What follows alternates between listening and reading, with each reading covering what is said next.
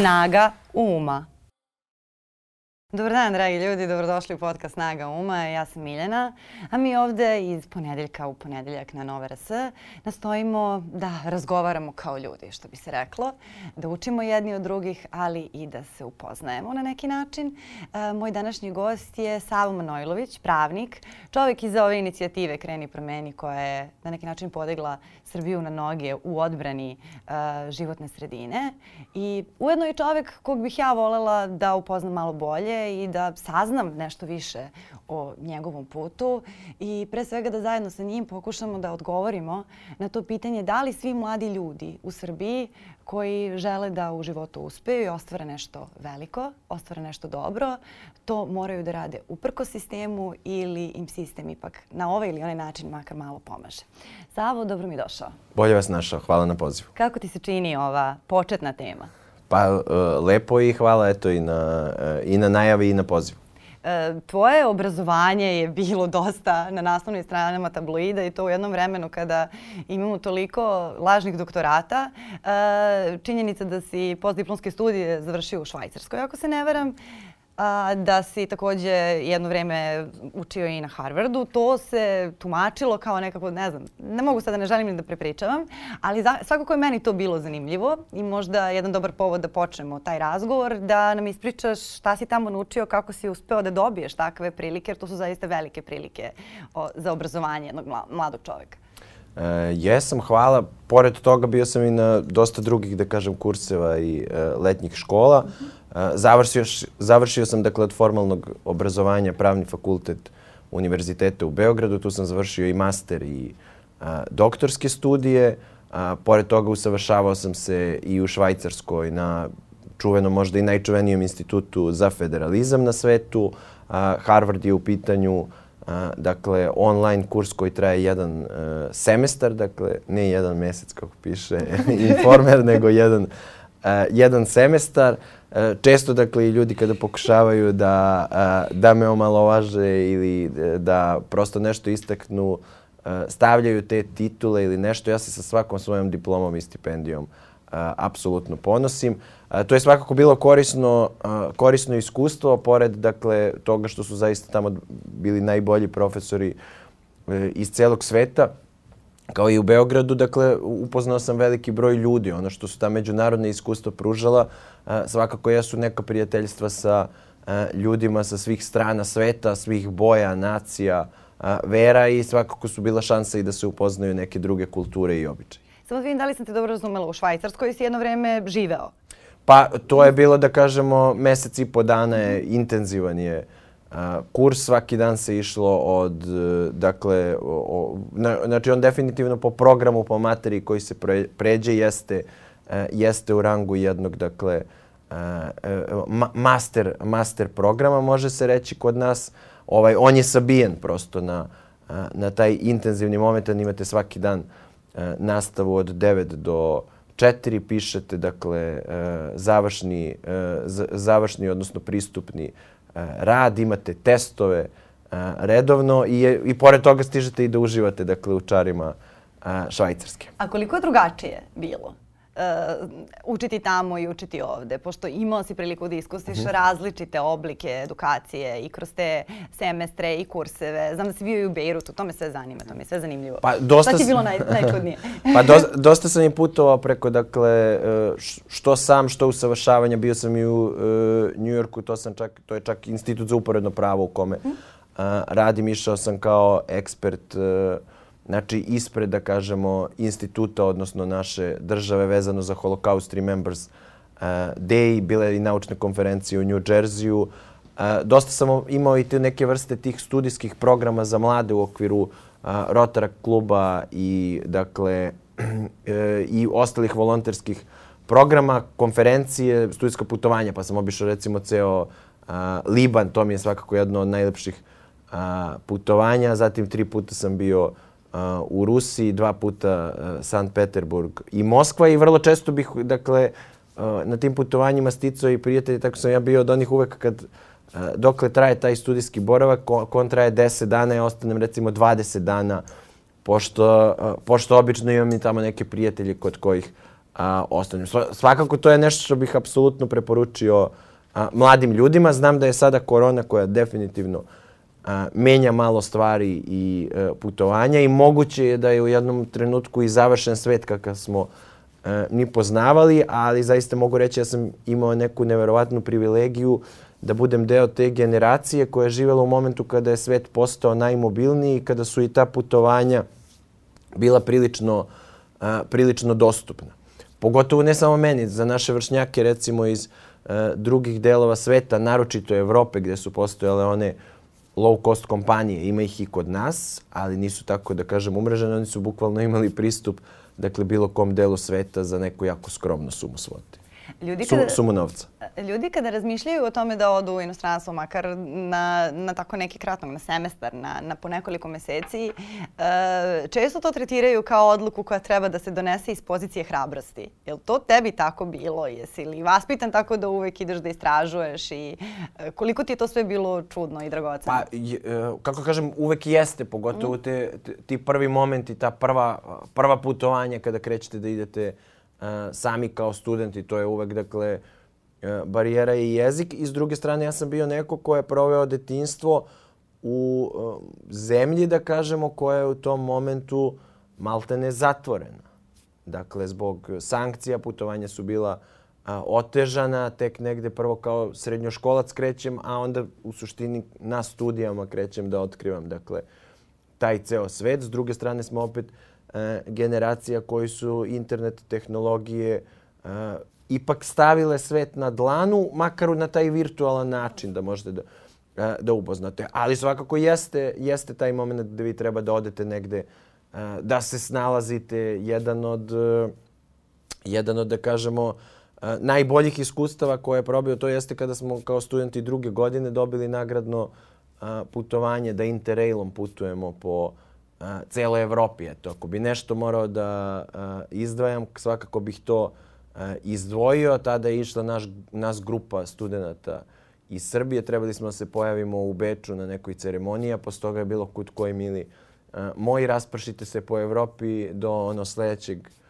ispitnog uh, roka i koliko para uh, imamo. Ja sam tada putovao, ja sam odvojio sa svojim uh, sada kumom. Ja sam bio kum na uh, venčanju uh, mom drugu iz studijskih dana i srednje škole Stojanu. Ovaj, to mi je ostalo onako fenomenalno, pogotovo pošto smo novac koji smo imali otprilike već skoro skoro potrošili uh, u Beču, što je bila prva destinacija, uh, kupujući neke uh, motorističke jakne, iako nismo imali uh, motor.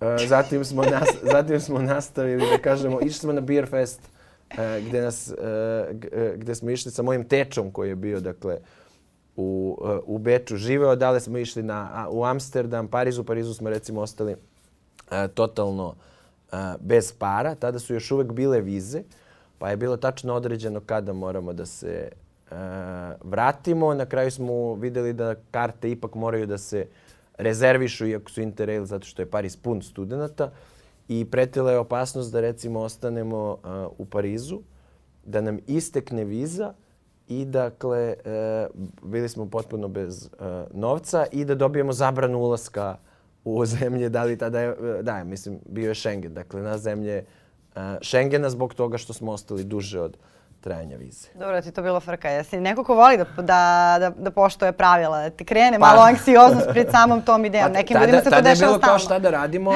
ali generalno ja uvek volim da razmišljam više kao o tome da, da moramo da nađemo a, rešenje. Mi smo tada malte ne švercovali po me, metrou, prosto nismo imali, nismo da kažem imali novca. Ja mislim da i dalje stoje, ako imaju ono snimke, verovatno imaju snimke i verovatno je, sada su zastarale te, te kazne, ali kako smo uh, prolazili dakle, u metro, preskakali smo uh, dakle, da uđemo. Na kraju su njegove sestre uh, koje su bile tamo na studijama su nam pozajmile neke novac i spremile brdo hrane i sendviča, spasile nas da ne umremo od, od gladi.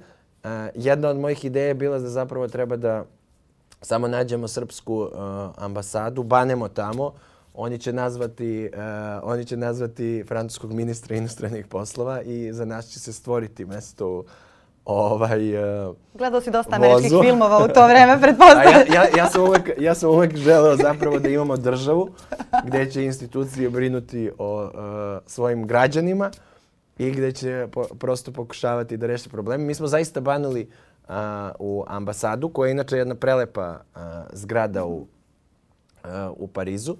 Ovaj, tamo su nam dali, videli su da smo izgladnili, dali su, ali su oni rekli to uopšte ne funkcioniše.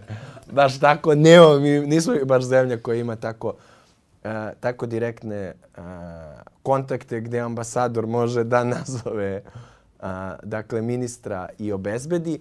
I na kraju smo uspeli da nađemo neke, neke autobus uh, koji je vozio za Beograd, pošto nismo imali novac, bilo je kao pa kako da ispregovaramo i sve su ovi iz ambasade su rekli pa banite im tako kao što ste banili nama, vidimo da nemate problema, ali ovaj, eto, bilo je svakako jedno, za, jedno zanimljivo, uvek se susrećete sa nekim, da kažemo, nepredviđenim okolnostima. Ali dobro, to su prave godine za to. Prave godine. I sad, pošto moj uvod bio koliko uh, je moguće u Srbiji uspeti u životu, uh, zahvaljujući sistemu, a koliko protiv, moraš da se boriš protiv sistema i koliko uspevaš zapravo uprko svemu, za ovaj deo tvog života i za sva ta putovanja i sve, jeste na neki način zasluženi sistem. Dakle, ti si išao tim pravim putem, otešao si na pravni fakultet, završio si ga i onda si iskoristio sve šanse koje ti je to obrazovanje pružalo da radiš ono što si u tom trenutku htela, ako sam te dobro razumela.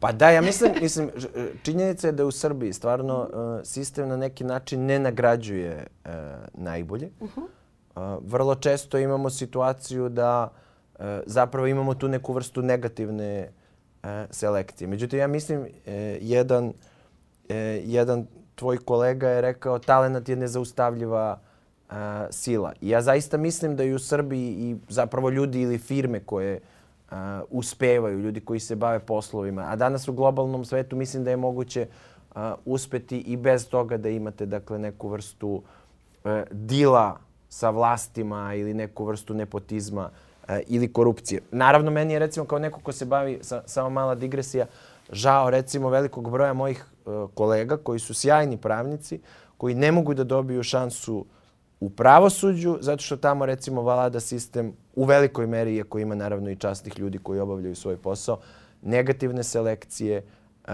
i korupcije.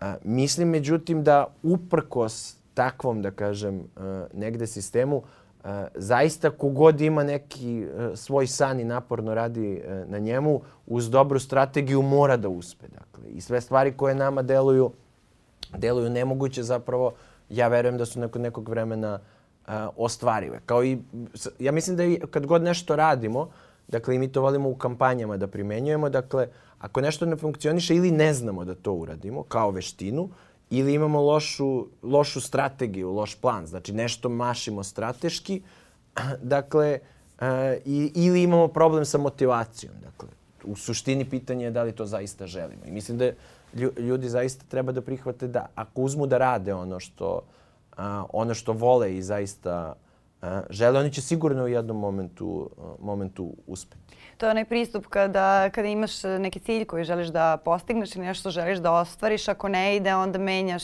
metode, pristupe, ali ne taj cilj, ako sam te dobro razumela. Da, Dokle da, god da, da, se ne Pod pokaže da, je, nije, da. Mislim, često zavisi i motiv zašto uh mhm. -huh. nešto, e, zašto e, nešto ljudi žele. Iz pogrešnih motiva ja mislim da put do cilja uvek će biti dakle pogrešan čak i kada čovek stigne do tog uh, do, uh, do tog cilja. Ali ako nešto dovoljno dovoljno želi, znači on treba time da se bavi bez obzira. Mislim iza, iza svakog zaista negde ono uspeha, bilo pričamo u životnom putu ili nekih kampanja ovih društvenih, krije se jako puno, dakle, i saplitanja, i, i teških momenata, i izazova, i nekih, da kažemo, prosto neuspeha, ali suština je da iz svake od tih situacija prosto izdvojite šta je bilo dobro i kako da preokrenete tu situaciju u svoju korist.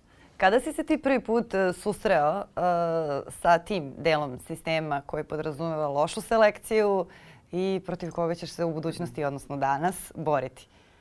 Pa, pa bilo je sigurno da kažemo, bilo je da kažemo puno tih uh, puno tih, da kažemo, e, situacija, ja, bi, ja bih možda izdvojio jedan kada, uh, ali volio bih da pričam i o ovim pozitivnim, dakle, uh, pozitivnim, dakle, uh, stvarima, uh, ali ne znam, i, i, imali smo, mislim, prosto ja verujem svaku u životu da se susreće uh, sa nepravdom, da možda neko dobije, ali meni, meni je ostalo kad sam bio mali na nekom takmičenju, uh, prosto dobijali su, uh, deljene su nagrade za najbolje ovaj, na maskembalu za najbolji kostim. Uh, ja sam bio ubeđen da je moj bio jedan od najboljih i da je to kostim uh, Batmana, a nagradu je dobio, uh, čini mi se, sin gradonačelnika. Pri, uh, pritom nije bila kreativna maska, nego je bio obučen u kimono. O, prosto, uh, prosto karate. O, I tako da to je ono što mi stvarno, što mi je stvarno ostalo da recimo kao uh, pamtim od, uh, od najranijih, recimo, Navestili stvari. su izbore za najbolji kostim na dečijem rođendanu.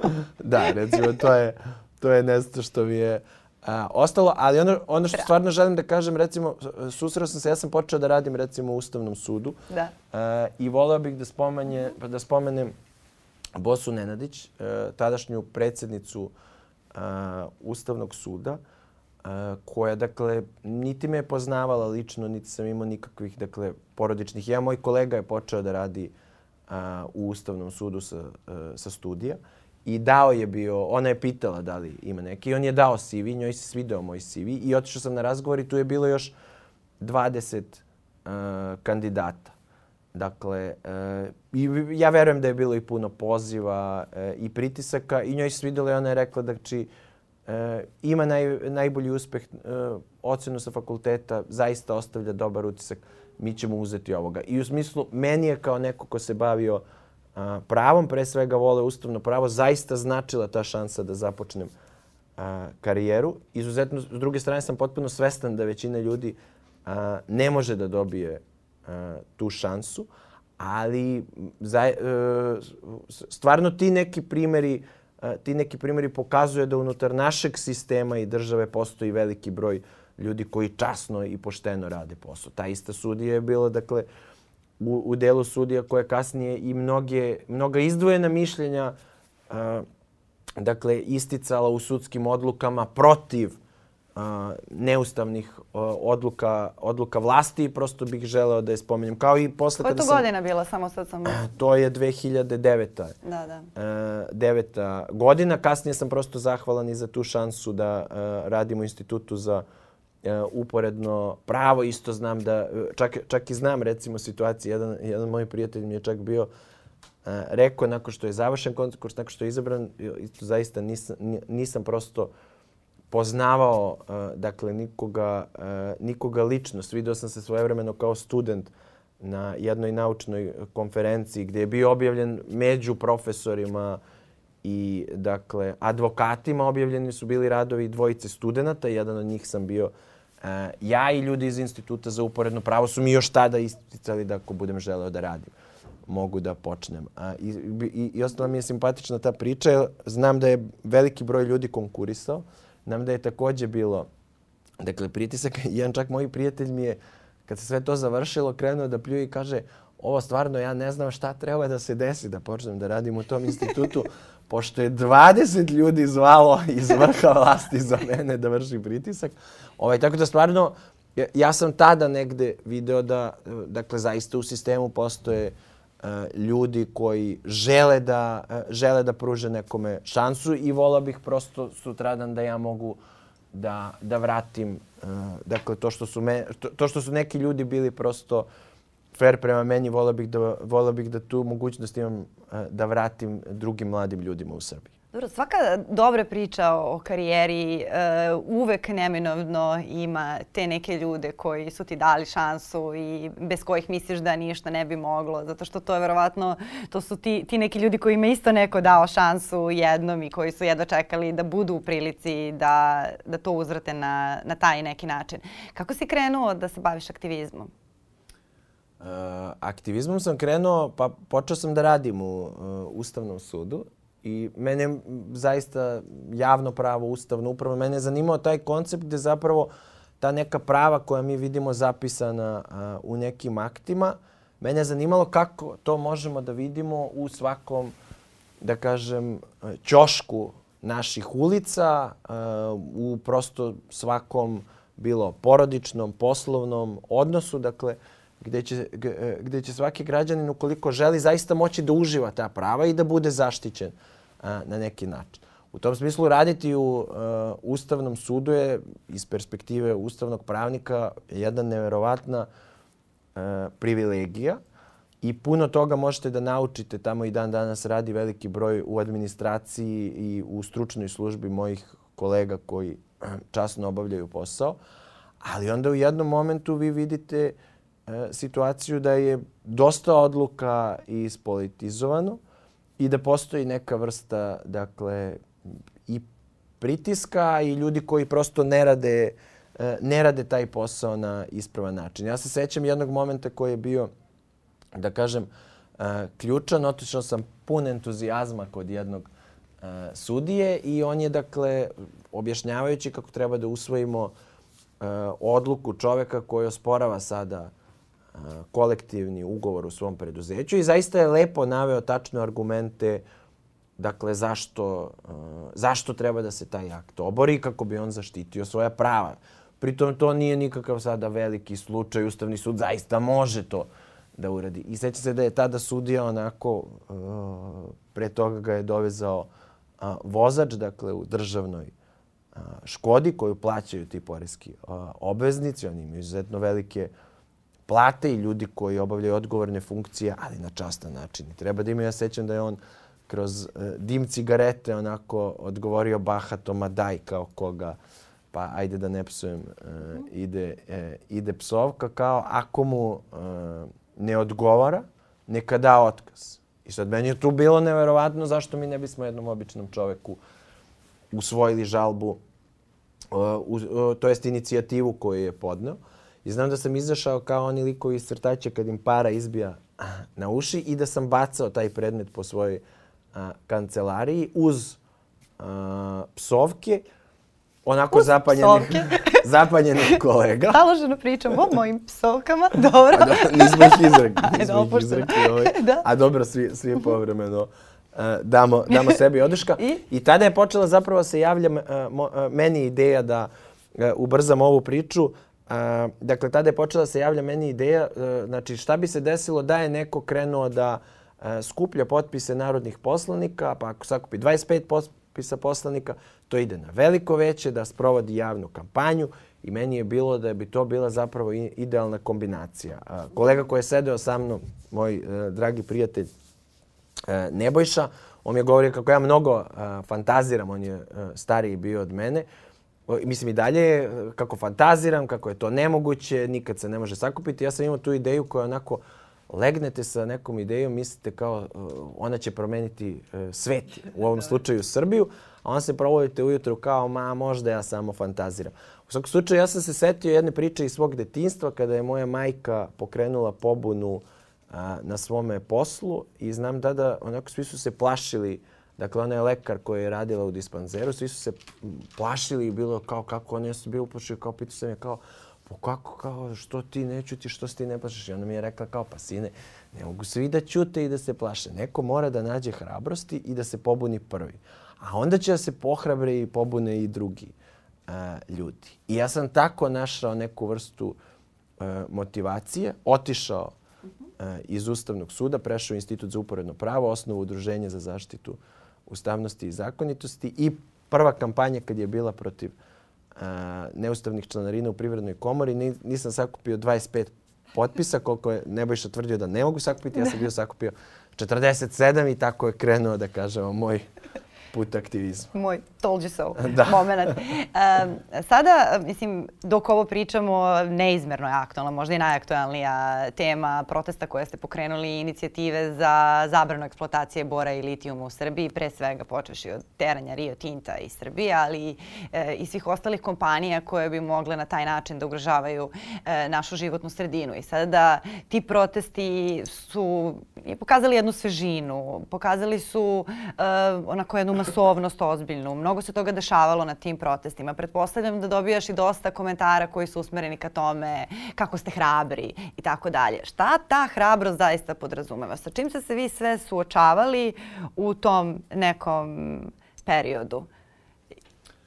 Pa, Od ovih opet, stvari koje ne znamo sad. Mislim, Da, pa suočavali smo se sa e, dosta nekih stvari i neprijatnosti, ali a, mi smo se vakcinisali na te stvari znatno a, pre toga. To je bilo kada je Branjan Parkić na a, Banovom brdu, a, što je negde gde i ti živiš. Da, tako da. da, To, pretpostavljam tu, su mi, je- da... tu mi je porodica. E, da. Tako da znaš a, o čemu se radi. Mi smo se tada susretali, a tada smo imali znatno manju javnu prepoznatljivost. E, ipak je to bila prva kampanja gde idu tako direktne pretnje. E, I sa pretnjama a, lične prirode, e, i sa sudskim a, znači, tužbama, progonom, spominjanjem e, gde, e, gde mi živi porodica. Tako da, znači, na taj, tada kad smo to na neki način prebrodili, to je bio prvi moment kada se u čoveku nešto i prelomi i a, formira i napravi verovatno neka ličnost i lični doživljaj sebe od koga kasnije a, prosto samo ne treba, a, ne treba da odustanete. Znači sve tada što smo radili na Banovom brdu i blokade, Sjećam se toga, bila sam. E, da. I igranje futbala na Sve, sred da. Požeške e, i odbijanje kad, e, znači i blokade ulica. To je, znači, mi smo sa ovim blokadama autoputeva samo to podigli negde na veći, na veći nivo, tako da... Bra- Branimo malo veći parkić. Da, da, A, da. Ali ja ne mogu da verujem da ste vi za, e, za te proteste na Banovom brdu i odbranu parkića dobijali takve pretnje, da su ti pretili roditeljima. To recimo nisam znala. To je baš Pa- kao, kako su tvoji roditelji reagovali na to? Nisam da, da ni rekao. Da, da, Preko tebe su, dobro. ovaj, nisam, ja to, nisam ja to ni rekao ovaj, u tom.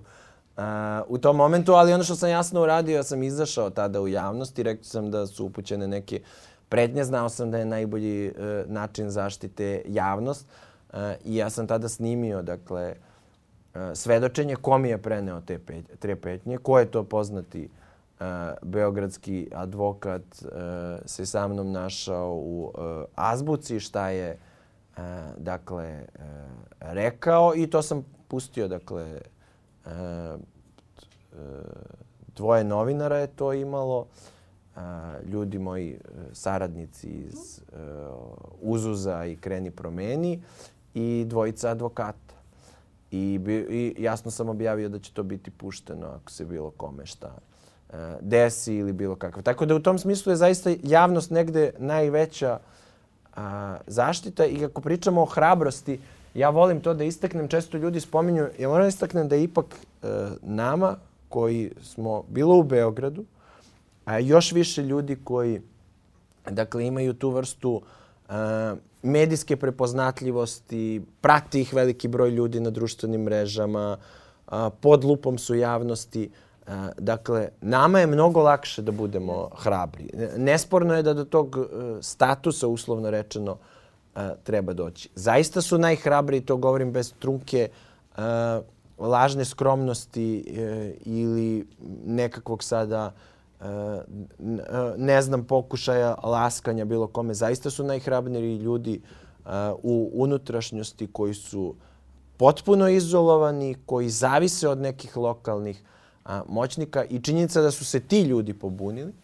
Dakle, kao i svi oni na blokadama, ljudi koji su, dakle, pružili javni otpor nekim huliganima, navijačima koji su po prvi put sa sada te kriminalizovane grupe bežali, a, bežale od građana i to je slika koju želim što češće da gledam u ovoj zemlji dok ne dođemo u normalnu situaciju da niko neće slati građane na građane, nego da imamo institucije koje će funkcionisati. Dakle, ja mislim da, e, da te slike su zapravo pokazatelj suštinske, suštinske hrabrosti i svi ti ljudi dakle, koji su učestvovali u ovome i zahvaljujući kojima su se desile ove pobede e, i promene na neki način su pokazale manje vidljivu, ali ništa manje, manju hrabrost. Ovo što vi sada radite uh, u Srbiji je baš onako čist aktivizam, kao što se to radi u nekim zapadnim zemljama koji imaju tu kulturu aktivizma gde uh, pokreti imaju za cilj da utiču na političke agende zapravo svih političkih organizacija, a ne da budu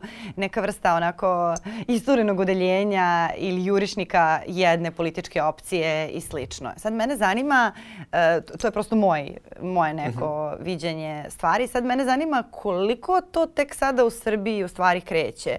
Jer i dan danas ljudi to sve gledaju kao neki, ne znam, politički marketing. Imamo jedan deo ljudi koji na to gledaju kao i odmah je bilo to pitanje, dobro, hoćeš ti da se kandiduješ za predsednika. Čim neko nešto uradi u Srbiji, to se dešavalo i glumici Svetlani Bojković. Ona čim je izašla odmah, jao kada bi se ona kandidovala. Mislim, u svetu e, glumci, ugledne ličnosti imaju svoj aktivizam koji se bave godinama i oni nikada ne razmišljaju o političkoj. Političko angažovanje je nešto potpuno drugo. Koliko mi to još uvek treba da skapiramo? E, pa, aj samo da probam apropo ovoga, dakle, e, da, da probam možda i na jedan duhovit način, da s druge strane meni se čini da, e, dakle, neku prazačetke te e, tog, dakle, uslovno rečeno, građanskog aktivizma mi zaista imamo u našoj tradiciji. Dakle, Hajduti su bili prvi građanski uh, aktivisti, možemo naći, dakle, uh, Karadžorđe takođe i kad nama spočitavaju kao da smo čak dopuštali i da ulazimo u kršenje zakona, ja kažem da je i Karadžorđe kršio uh, zakone Osmanskog carstva, mislim da je i uh, Kraljević Marko, dakle, iz narodne pozicije prvi sprovodio neke vrste blokade uh, puteva, jer ih je orao. Ovaj, tako da, tako ja mislim da smo mi zapravo samo nastavili tradiciju ovoga a, naroda, a uzeli smo neke zaista najbolje e, tehnike u globalnom svetu koje se koje se primenjuju. E, mimo toga, ljudi stalno pričaju, je li to politika ili nije politika, ja stvarno mislim da se mi bavimo nekom e, praznom semantikom. Suština je da iza, i to zapravo jeste neka e, filozofija naša, da uvek radimo neku vrstu konkretne promene koje će biti pravno utemeljena i koja će zaista društvo promeniti na bolje i omogućiti nekom da uživa to. Da li se mi borimo za, ne znam, to da jedan uzbunjivač Aleksandar Obradović izađe iz kućnog pritvora. Ali to je realna stvar koja podrazumeva da on sutradan može da šeta sa svojim sinom i suprugom. Da li to znači da će nepravedno uhapšeni iz vanrednog stana da odu i da provedu recimo uskrs uh -huh sa svojom verenicom, što je bio slučaj kada smo jednog momka uh, oslobodili. Ili će decu videti sutradan kako trče uh, komšije po parku koji je uh, odbranjen ili određenim zakonima neće nešto biti sprovođeno. Znači, to takođe jeste neka vrsta politike i političkih odluka, ali je usmerena kroz građane. Znači, građani su takođe politički subjekti, čak osnovni. I postoji taj moment a, dakle, političkih stranaka koji uopšte nije sporan, niti ga se treba gaditi, ali on ide totalno drugačije, e, drugačije, da kažem, e, usmereno on menja tako što kanališe volju, ljudi se onda kandiduju na institucije i jedan i drugi način delovanja su potpuno e, potpuno, da kažemo, legitimni. Ono što ja mislim, što je stvarno bilo iskreno, mi smo rekli, i to ja mislim da je kod svake naše kampanje, naš cilj je to, I obično i druge stvari smo komunicirali jasno. Mi smo rekli, znači, naš cilj je to, rok je to, tražimo da se desi to i to. Ukoliko se to ne desi, mi smo spremni da uradimo to, to i to. I sa nama, meni se čini je prilično jasno ljudima uh, šta rade, kuda idu. I u tom smislu ja mislim da nam zato ljudi i veruju i zato se, da kažemo, i te neke uh, optužbe, etikete suštinski odbijaju od nas. I nema potrebe ljudi bilo kome da veruju blanko ili na reč. Mm Oni treba samo da slede ono što neko a, govori i pre svega ono što radi. I ako im to ima smisla, ako oni smatraju da je to dobro, onda trebaju da se bore za to. Da, ali e, opet se čini i često se to, često se to javlja, dobro šta vi, šta vi zaista hoćete. I sada cijela ova reakcija vlasti na te proteste meni deluje e, kao da i oni misle da ste vi u stvari hteli neki politički poen koji oni u početku prvo nisu hteli da vam daju, ali onda su vidjeli da vas je mnogo ove, ili nas, kako god da to nazovemo, pa onda kao dobro, ajde daj im taj poen, reći ćemo im pobedili ste, mislim nećemo mi ništa da promenimo, ali evo vam poen. I da, da, da i njima treba malo neko vreme da, da razumeju da, da nije sve u poenu, da neki ljudi jednostavno ne žele da se poguše od, od zagađenja i da, da, da to zapravo je problem koji mora da se reši, koji ne može se spinuje. Pa da, nama su, nama su to spočitavali za svaku kampanju i stalno su tražili skrivene motive. Pa je bilo kad smo uh, skupljali potpise za ograničavanje reality programa i uvođenje kulturnog programa za decu, skupljate potpise da biste se kandidovali. Iako ne postoji mogućnost da vi te potpise prepakujete u kandidaturu. E, nismo se kandidovali. Kada smo branili Parkić, ljudi su bili, e, super je ovo, a, a vi ovo radite da biste se kandidovali? Kao ne. Sad isto je bilo pitanje, a što ovo radite? Kao, hoćete uh, novac, hoćete da se kandidujete? I mi kažemo ne, kao, pa šta hoćete? Kao, hoćemo Parkić. Ovaj, I tako je negde, tako je negde prosto uh, pro, prosto i sada ko, kod ove teme. Znači oni postavljaju pitanje i oni često kažu ali vi želite da ne znam zapravo se kandidujete ili preuzmete, preuzmete vlast. Iako je totalno legitimno u bilo kom demokratskom poredku da se neko kandiduje ili ne kandiduje. Ali mi uvek odgovaramo pa dobro, vi budite mudri, pa nas pređite tako što ćete nam ispuniti ove zahteve, ali ne tako što ćete nas prevariti pa ćete sada reći važi oterali smo Rio Tinto, ali nećemo da donesemo zakon o zabrani iskopavanja a, bora i litijuma, pošto to onda suštinski znači kako, kako došlo može sada i da se vrati. Kako, tako da ta kao uslovno rečena pobjeda kako došla može tako i da a, može tako i da ode. I ono što prosto ne, negde i odgovaram, ako i kada budem želeo da se kandidujem. Dakle, to prosto smatram da je logično da uradi čovjek tako što izađe i kaže ovo je moj program, ovo je moja vizija, ovo je moja ideja Srbije kakve želim, ko želi neka glasa, ko ne želi nek ne glasa ili ne glasa, ne glasa protiv. Ali, ali imate situaciju dakle da... Ta ti izborna poruka. Super. Dobro. Eto, ali prosto u ovim drugim situacijama mislim da je totalno logično da se ljudi, da. dakle, da, da, da, se, da se borimo i ono ako tražite nešto, onda vi to zaista i, i kada dobijete, logično je dakle u tom momentu da stanete sa daljim dakle zahtevi. Ali dobro, to je spinovanje teme sada. Ukoliko ne želim da pričam o tome što zagađujem državu do granice gušenja i davljanja, ja ću sada da krenem da te prozivam za nešto, da bi se ti pravdao za to nešto, da ne bi mogao ti mene da pitaš za ovo što ja pravim problem. Me, me, meni je tu zanimljivo ljudi, e, Ja, ja mislim da ljudi stalno kod tih optužbi rade neke uh, autoprojekcije.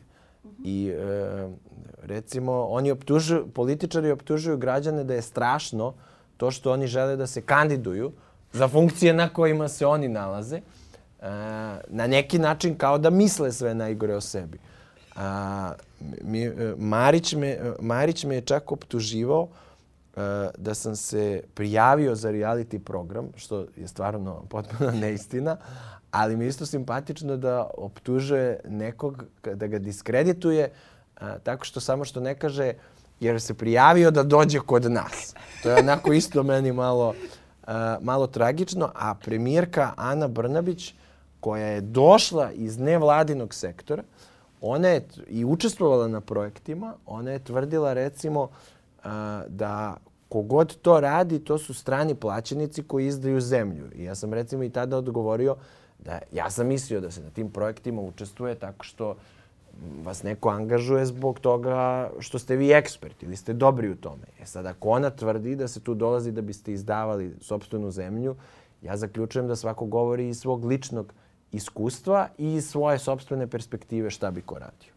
Da, kako je ona funkcionisala u da. naledu ranije ili tako u tim nekim situacijama. Pa dobro, e, zanimljivo mi je da, da si uspeo sve ovo što ti se dešava, pošto si pod velikim pritiskom, svi ste vi pod sada dosta velikim pritiskom, uh, jedan ste veoma krupan zaloga i rešili da odgrizete i da ne pustite, uh, da uspevaš da pronađeš humor u svemu tome pa što Kaže da je humor najbolji, najbolji najbolja odbrana. Uh, jer pretpostavljam da ti se u ovom nekom periodu uh, mnogo, to, mnogo prozora otvorilo i po pitanju toga koliko ljudi umeju da budu genijalni, uh, a i uh, što se tiče uvida u to do koje mere ljudi mogu da budu i kvarni i licemerni uh, kada brane svoje, svoje neke interese. Pa šta ti tu sad pada na pamet? Tamo ni privodimo kraju razgovor, to možda budi dobar zaključak. Pa, Pa mi, e, mislim da ljudi opet treba da se, e, dakle, moj zaključak e, i, i to je stvarno moja nek, ono što sam video iz ovog aktivizma. Ljudi na kraju stvarno vide da li je neko iskren ili nije. I možete, ima i ona poslovica, možete neko vreme lagati neke ljude, ali ne možete sve vreme lagati sve ljude. I ono što je moj zaključak, ljudi te kako razumeju kada im nešto logično objasnite i kada imate dobar plan. I treća može da bude zaključna a, znači stavka. Non stop će biti oni koji će vas e, i kritikovati i napadati i koji će nalaziti zamerke. S druge strane, postojeće i oni koji vas podržavaju, koji dolaze na vaše aktivnosti, uplaćuju, ne znam, donacije, potpisuju peticije. Dakle, suština u životu je da se uvek bavimo opet onim ljudima s kojima zajedno nešto a, stvaramo. Ovi drugi, znači, oni će u jednom momentu videti i shvatiti da ste u pravu, pa će se ili pridružiti ili će, dakle, ostati stalno po strani a, da komentarišu. Ja volim tu me, metaforu da se mi če, često osjećamo kao prosto da neko sedi u svojoj fotelji, u onoj majici na bretele, ispija pivo i psuje onog igrača koju nadoknadi vremena trči, ovaj ga psuje i tvrdi kako nije to, kako ne treba tako šutne a, loptu i moja poruka je prosto nemojte biti taj a, čovek u majici na bretele, nego obucite patike, a, izađite a, vi da trčite i da date taj gol. Hvala ti mnogo na, na ovom razgovoru. Palo mi je na pamet, e, Turci su orali drumove pa im je Marko branio. Danas se malo vreme promenilo, sada se betoniraju njive, ali očigledno neke metode ostaju efikasne kada, kada se izgube svi druge načini da se urazume ljudi. Pa kažu ovaj, da se treba držati najbolje tradicije, ali istovremeno zadržati one najbolje iz tradicije, ali istovremeno uh, i ubaciti ove stvari iz novog vremena. Tako da ja sam siguran da ćemo nastaviti da radimo i jedno i drugo. Hvala ti mnogo na razgovoru. Nadam se ti je bilo prijetno. Apsolutno. Hvala i vama na vremenu i pažnji. Sa mnom je danas razgovarao Savo Manojlović e, iz inicijative Kreni promeni. Vi ste gledali i slušali podcast Snaga uma. Mi smo tu i sledećeg poneljka na Nova RS podcast platformama i od srede na YouTube kanalu Nova S. Prijetno. Thank you.